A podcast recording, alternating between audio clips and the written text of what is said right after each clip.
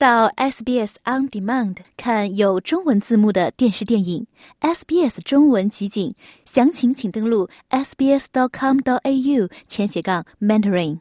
一种常见的儿童哮喘药物与澳大利亚的三起自杀事件和数百起其他医疗事件有关。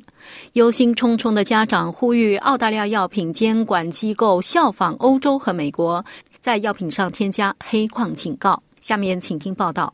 哮喘是影响近三百万澳大利亚人的健康问题，其中近五十万人的年龄在十五岁以下。悉尼大学的班达纳塞尼教授表示，其原因可能各不相同。It's actually caused by inflammation. Um, and that can happen as a result of exposure to allergens, but there might be actually. 它实际上是由炎症引起的，它可能是由于接触过敏源而发生的，但实际上可能还有更多更大的原因，例如我们的环境以及我们的基因如何相互作用来响应我们的环境。因此，要描述导致它的原因非常复杂。但是，哮喘发生的是肺部内部的炎症，或者是发生炎症的过程。三分之一的哮喘患者每天服用药物，其中之一是孟鲁斯特，其通用名为顺尔宁，这个名字更为人所知。通常在哮喘不严重时开药，可以阻止病情恶化。这种药物与一些儿童的精神病发作有关，包括噩梦、抑郁和产生自杀的念头。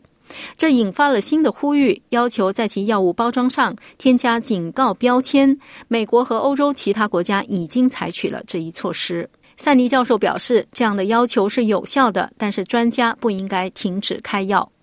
It is a very rare side effect. I think um, having these box warnings on medication packages. 虽然这是一种非常罕见的影响，但在药物上贴上这些黑框警告，可以提醒消费者。这个想法并不是说该药物不应该使用，它非常有效、合理、安全，对儿童特别有用。孟鲁斯特被列入针对十四岁以下儿童的药物福利计划。在上一个财政年度，该药物共发放了超过十万张处方。该药于一九九八年首次上市。自那时以来，负责监管药品的治疗用品协会已经收到了三百多份精神疾病报告，其中四例死亡。即便如此，孟鲁斯特仍然受到家长的欢迎，主要是因为它是片剂形式，方便儿童使用。尽管如此，澳大利亚国家哮喘委员会的彼得沃克表示，他更愿意鼓励人们使用吸入器。There's a perception certainly that using a tablet is much easier than using an inhaler. However, none of these things are really the case. 人们认为使用药片比使用吸入器更容易，但是事实并非如此。大多数六岁以上患有哮喘的人应该使用吸入类固醇。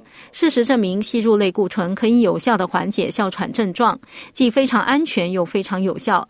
当然，吸入器可以通过设备的使用或者空间来协助他们使用。几乎所有年龄段的儿童都可以使用吸入器。澳大利亚药品管理局上次审查孟鲁斯特的安全性是在二零一八年。虽然 TGA 表示暂时不会仿效美国和欧洲，但致力于密切监控问题，并且在必要的时候采取监管行动。萨尼教授表示，澳大利亚应该继续监测数据，但是大多数人都可以放心使用这种药物。Should those symptoms occur, they should really.